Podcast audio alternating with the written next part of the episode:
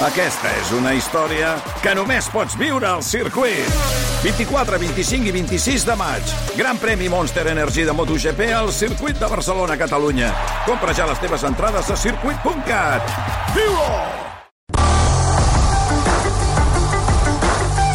Toni Muñoz, bona tarda. Bona tarda. Periodista de successos i tribunals de La Vanguardia, col·laborador de RAC1. Sebastià Darbó, parlem de Sí, sí, la ja. popular vident Pepita Vilallonga, coneguda per les seves aparicions televisives a cadenes. no la coneixeràs tu, eh, perquè jo no sé qui és.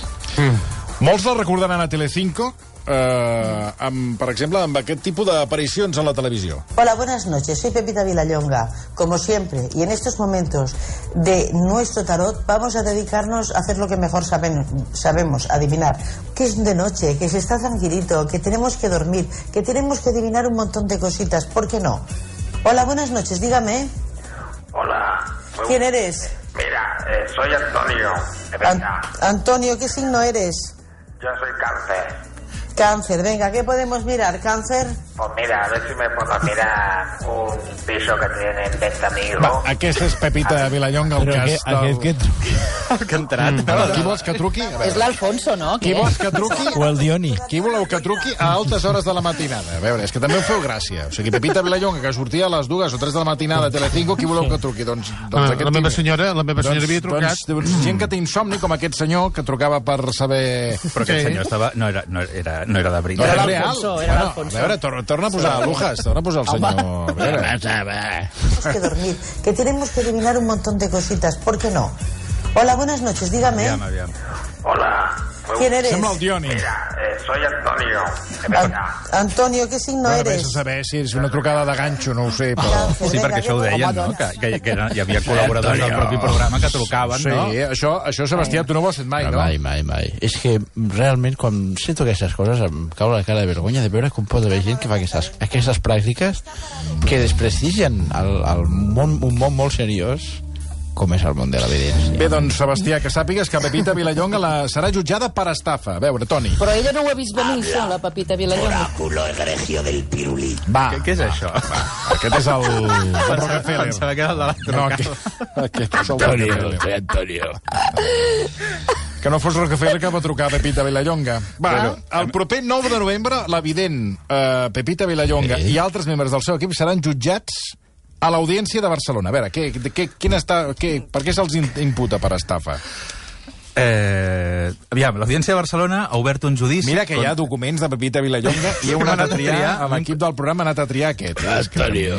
Sí, Va. t'he dit que em costarà, eh? Em costarà. Aviam. Va, va, vinga, a. Pepita Vilallonga la, la jutjaran jutjament, juntament amb tres, eh, amb tres col·laboradors del seu espai esotèric, val? del seu equip. És que no la conec ningú. Sí, ja ens ha quedat clar que no la Sí. coneixes. Ja ens ha quedat clar. Doncs la jutjaran el 9 de novembre per un delicte de estafa agreujada, val? perquè eh, hi ha una, una senyora doncs, que va anar a, a aquest servei de la Pepita Vilallonga, primer Però- va trucar... Eh, va A ser- Telecinco. No sé si a Telecinco o Ah. alguna altra d'aquestes emissores que, o, de, Em sembla que estava en altres canals, eh, també d'aquí d'aquí de la província, em sembla, eh? No Sí, sé, no sé. 25 Televisió, em sembla. no Sí, sé fins sí. i tot si en algun moment devia sortir fins i tot a 8 TV no, o... No ho sé, no ho sé. Jo no tinc res a veure.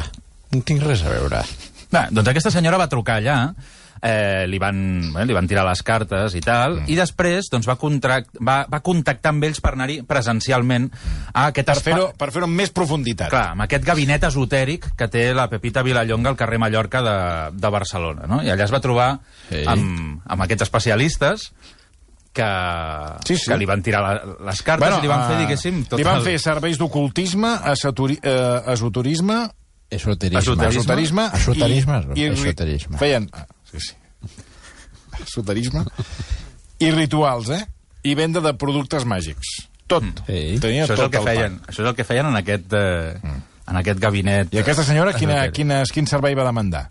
Bueno, aquesta senyora va anar allà perquè bueno, no es trobava bé. Eh, tenia 77 anys, i, però no em va sortir molt satisfeta. El que hauria d'haver fet aquesta senyora és anar al metge. Més claro. Que, a Mm. Pepita Ojo, a Vilallonga. l'ambulatori. El, aleshores, aquesta senyora el que, el que li passava, i de fet estava diagnosticada, tenia una depressió greu, mm. eh, de fet l'havien incap, eh, estava, doncs, li havien donat la invalidesa absoluta per aquesta depressió, i va anar allà en aquest eh, gabinet esotèric. I ella el que diu és que li van, li van posar la por al cos. De fet, li van dir frases com les següents, com per exemple que moriria de forma imminent, Li van dir, no duraràs ni una setmana, Jesús. has esperat massa en venir a nosaltres, i després, per últim, li van dir, tens, tens un mal d'ull i portes un mort a l'esquena. Amb totes aquestes frases, aquella senyora va, sur va sortir d'aquest gabinet esotèric de la Pepita Vilallonga, doncs molt, molt espantada. Home. Li, li havien posat la, la por al cos. Si i te'ls aleshores- creus, si te'ls creus, surts espantadíssim. Clar, va dir... Ara, clar, si, si te'l prens a broma, passa que la broma és el preu que li van cobrar, no? Clar, aleshores li van dir que havia de fer una sèrie de tractaments, que no, no sé detallar exactament Jo doncs, realment eres- no dono crèdit. que, que tract, de, de què es tractaven, i li van cobrar 4.400 euros, Mare de Déu. després 10.000 euros Jesús. i després 17.000 euros. En total, 31.000 euros que va pagar aquesta senyora, O diu... sigui, aquesta senyora es va gastar 31.000 euros? Sí, era una senyora eh, vulnerable, que tenia aquesta Sí, sí, depressió, hòstia, i que a part no tenia aquests diners i que els va treure de la hipoteca, d'un pla de pensions, de tot això, no? També s'ha de dir una cosa, és a dir, que no està tan clara l'estafa perquè és un cas que només denuncia aquesta dona, però la Fiscalia no li dona suport i li dona la raó a Pepita Vilallonga. Ah, ah. Ara sí que la coneix. Sí, sí, bueno, sí, havia treballat amb ella alguna vegada.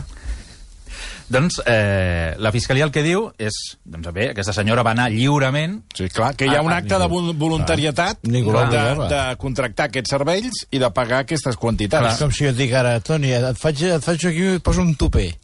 Però si et demano 50.000 euros per posar el tupé i tu els pagues, doncs Clar. tu vas... Clar, la, diferència, clar, la diferència és que el que diu aquesta senyora és que van notar ja en aquella primera visita presencial que realment aquesta senyora doncs, no estava bé, que estava en aquest estat de vulnerabilitat, que tenia aquesta depressió, i que aquestes persones, en veure aquesta vulnerabilitat, doncs es van aprofitar per fotre-li els calés. No?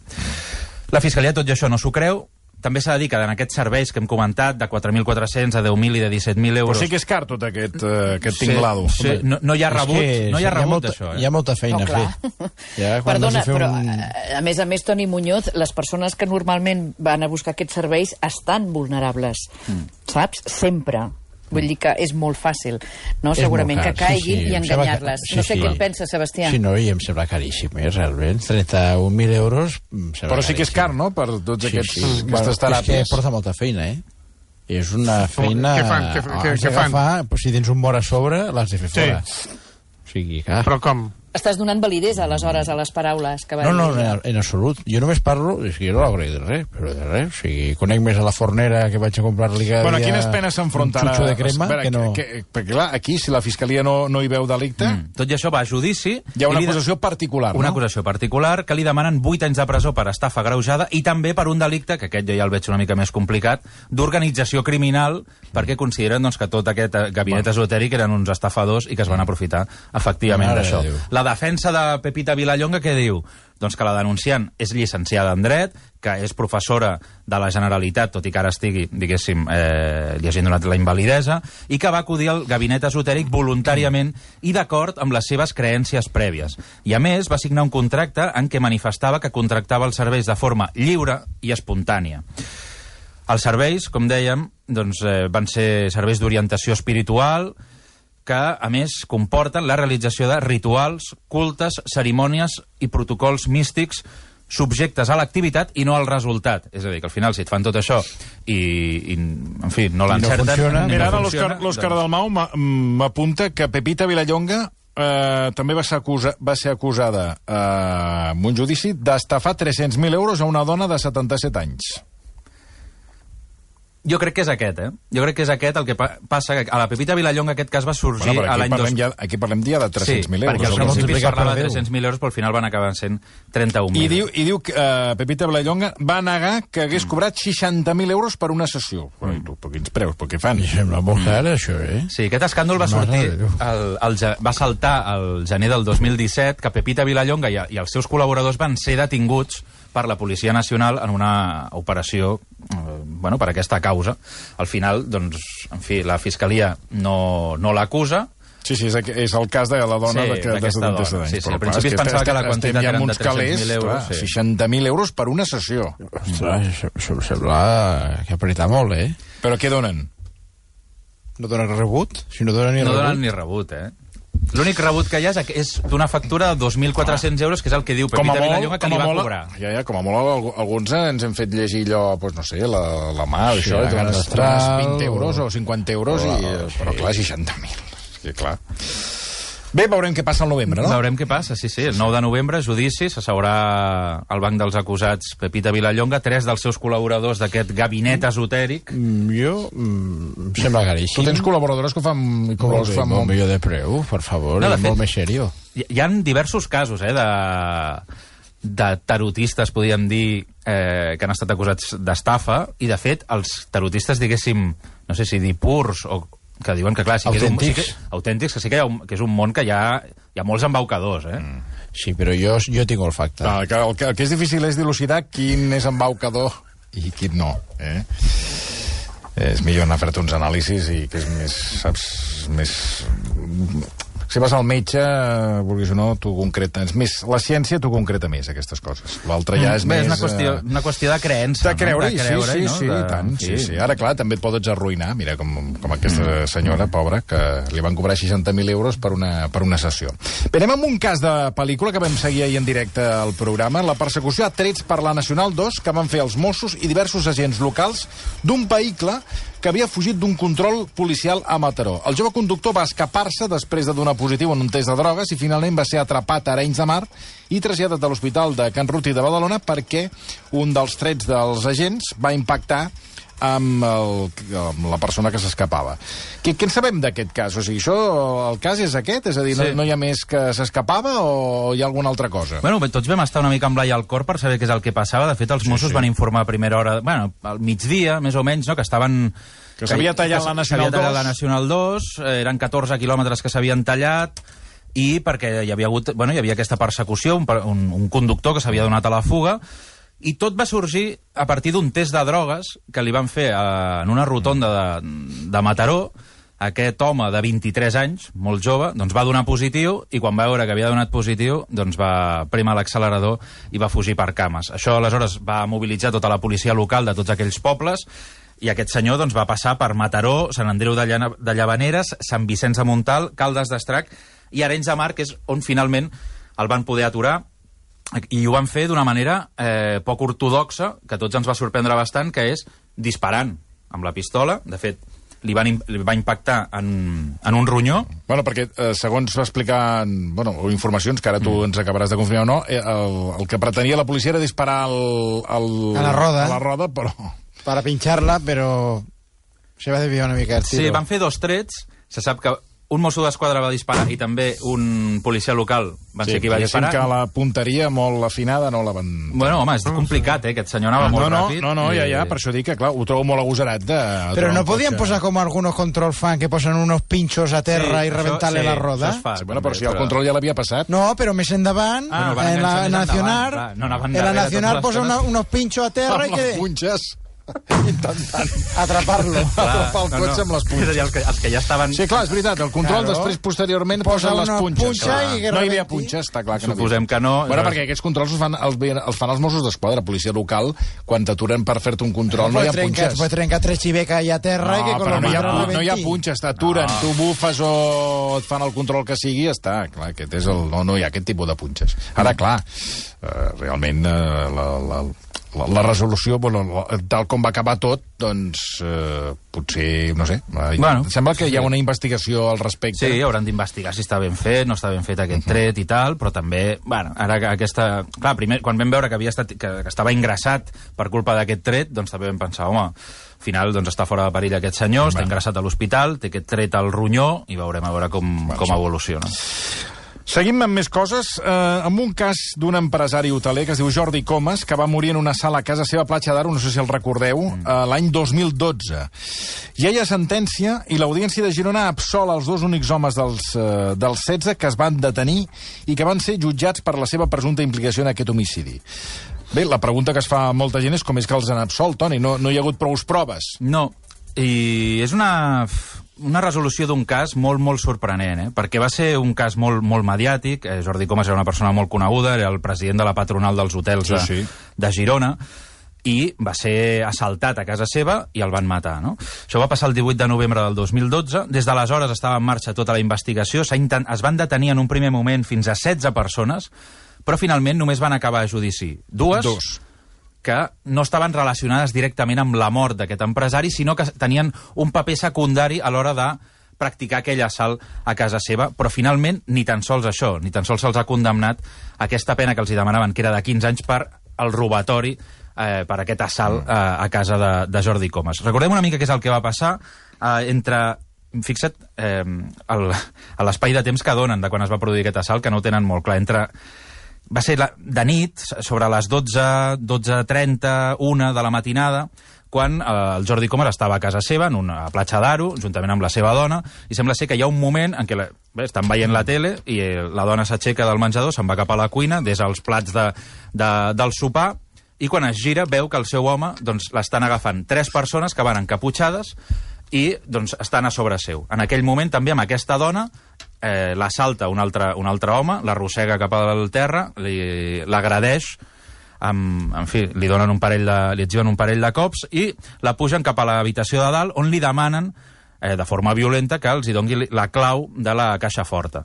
La dona accedeix i eh, aquesta gent doncs, ha, en fi, s'emporten tot un, bé, un reguitzell de joies, moltíssimes joies. que Arrasen amb la arrasen, caixa arrasen amb la caixa forta i se'n van. Però deixen, amb aquella maniobra, quan assalten amb el Jordi Comas, doncs l'acaben matant per asfíxia. A partir d'aquest moment doncs, comença tota la investigació, intenten saber què és el que ha passat, eh, però no avancen. Sembla ser doncs, que aquesta dona va sentir que els assaltants parlaven en castellà, però també amb un accent àrab. Aleshores es van fixar en un grup de joves que justament aquella tarda havien estat a Platja d'Aro i, i havien parlat doncs, de, en fi, de buscar un serraller, perquè al final que aquesta gent dius, home, com van entrar no? en aquesta, en aquesta mansió del Jordi Comas? Doncs el que van fer va ser trencar d'una manera bastant, bastant curiosa doncs, la, la finestra. I per això sembla ser doncs, que aquesta banda, que no tenia experiència en aquest tipus de coses, doncs, havien contractat per aquell servei a un serraller que fos capaç doncs, de trencar aquella, aquella finestra i entrar doncs, en aquesta, en I el aquesta casa. Semblava que l'havien trobat. De fet, era un d'aquests acusats en aquest judici, però finalment considera l'Audiència de Girona doncs, que, no, que no hi ha prou proves doncs, per implicar-lo. Com els van trobar? Aquesta gent van anar amb un cotxe robat que havien robat tres dies abans a Sant Cugat del Vallès, també havien entrat per una finestra, havien robat les claus del cotxe de forma silenciosa mentre el propietari estava dormint, mm. van anar al pàrquing, es van Sabeu que emportar... això a Sant Cugat, eh, conec que hi ha un parell de casos que... Que els hi ha és passat. que el mateix que acabes d'explicar. Entren silenciosament, agafen les claus i s'emporten el cotxe. I s'emporten el cotxe. Sí. Doncs aquí es van emportar un Audi S3 o sigui, i el van fer servir tres dies després per accedir al domicili de, de Jordi Comas. En aquell cotxe que van trobar dos mesos després aparcat a l'Hospitalet, es veu que era un carrer on sempre aparquen els mateixos veïns, al final els va cridar l'atenció que feia aquell cotxe allà, i eh, quan van cridar els Mossos d'Esquadra es van adonar que aquest cotxe és el que s'havia fet servir per aquest, eh, per aquest assalt al domicili de Jordi Comas. En aquell cotxe van trobar dues borilles de cigarreta que van analitzar, van treure l'ADN i van veure que hi havia gent amb antecedents a qui corresponia aquell ADN, que són els dos acusats. Doncs, què passa? Clar, però aquí diuen que ells no, ells van tenir un, un paper secundari. Ah, ells no sabien res d'aquest assalt, simplement el que, el que havien fet era, un, comprar les, les joies de, que havien robat aquesta gent, per tant, diu, jo vaig, anar en aquell, jo vaig entrar en aquell, en aquell vehicle, vaig fumar un cigarret mentre negociàvem a veure si li comprava jo aquelles joies robades o no, però jo Ja. no coneixia ni sabia exactament qui eren aquests, i després l'altra persona deia doncs, que havia contactat també amb aquesta gent perquè passava droga, però que tampoc no sabia exactament qui era. Hi, ha una, hi havia un tercer acusat doncs, que es va donar a la fuga, està en, reba, en rebel·lia, està, té un ordre de crida i cerca. es coneixien entre ells. Sí, es coneixien entre ells, Doncs, home, però clar, si, si un es va fugar, no? Sí, però l'Audiència de Girona ha considerat doncs, que no hi ha prou proves per vincular aquestes persones amb, amb l'assalt i amb la- i amb Ja, l'assassinat no, no, doncs, de, de Jordi Comas, i ni tan sols doncs, amb això. És a dir, la Fiscalia sí que pensava doncs, que potser tenien un paper secundari, que potser havien fet tasques de vigilància mentre es feia aquest assalt, també es pensava que l'altre és el que havia trencat aquesta finestra per poder accedir al domicili, però el, diu que no hi havia restes orgàniques, no van deixar van ser molt sigilosos, molt primmirats no? a l'hora de, de fer-ho tot, anaven amb guants, amb passamuntanyes, no hi ha gravacions, no hi ha res, i no se'ls ha pogut identificar, i l'audiència, és veritat, que demana disculpes doncs, a, la, a la vídua de Jordi Comas, dient ens sap molt de greu perquè al llarg de tots aquests anys, això estem parlant de l'any doncs, 2012, hem sigut incapaços de trobar els autors materials de la mort del seu marit, li demanen disculpes, consideren que és un fracàs de la justícia, però tot i així doncs, diuen que no poden condemnar dues persones si no hi ha prou proves. Sebastià de Debò, abans d'acabar, qui, qui tindrem aquest cap de setmana? Bueno, aquesta setmana ens acompanyarà una prestigiosa medium que es dedica justament a, cont a contactar... Però que Què passa? No, és que m'he nuegat, és que estava menjant... passa? Ah, t'ha vingut com un esternut. Estava, he berenat una escalopa. He berenat una escalopa amb formatge i... i Menú quedat- infantil. I he quedat completament ennuegat. Sí, sí. Comencem, comencem, comencem aquest programa i donem la benvinguda al Raül Sagres. Bona i màgica nit, Sebastià. Llegim moltes cartes, molts correus. Perquè necessito algo de gastronomia. Sí, sí, Una sembla carta. que fem un programa de cuina en comptes d'un programa de misteri, Sebastià. Ens arriben uns missatges a vegades que no entenem. Nosaltres rebem moltes cartes i gent que pregunta coses, eh? Però hi ha algunes que no, no sé per què ens arriben. De fet, fixa't, aquesta ens arriba... Qui l'envia? Eduard Bosch i diu, bona tarda. El temps mínim per fer bistec són 6 minuts. O sigui, ja comença que dient... Eh, què de bistecs, és a dir, no... Bueno, posa que fiques el bistec un i dos, dos minuts, gires el bistec 1, treus i dos poses entre 3 i 2, entre 3 i 2 minuts, treus el bistec, ja està fet, el gires, el poses de cara i et queda fet en dos, dos minuts. Total, sis minuts i es quedaran massa fets. O sigui, imagina't que se'n va una miqueta estrany també llegir això, perquè és com... Es diu Eduard. Es diu Eduard. Gràcies, Eduard, per, per, fer, per, per iniciar-nos en la cuina, però que no és el programa, eh? I no sé com ha vingut aquí. Li farem arribar a l'Arguinyà, no?, tot això. Li farem arribar, aquí el conec també, de on estava ell i jo a la televisió espanyola. Efectivament, i aquest cap de setmana portarem al programa eh, dos eminències del món de la cuina, Monsieur Cousin i Thermomix. Dos màquines que, entre elles, No, intentarem no, coure... estarem, estarem molt Com atents, diu la Sebastià. primera? La... Monsieur La primera, com les... Monsieur Cousin, eh, la, la màquina Ah. del Lidl, Sí, sí, està sí, prohibida. Sí, Està sí, prohibida, sí, està sí, prohibida. Sí, sí, per això s'han inventat una altra encara més econòmica. Sí, és allò que... On no arriba, on no arriba la... Feta la llei, feta la trampa. Toni Muñoz, moltíssimes gràcies. Són les 6.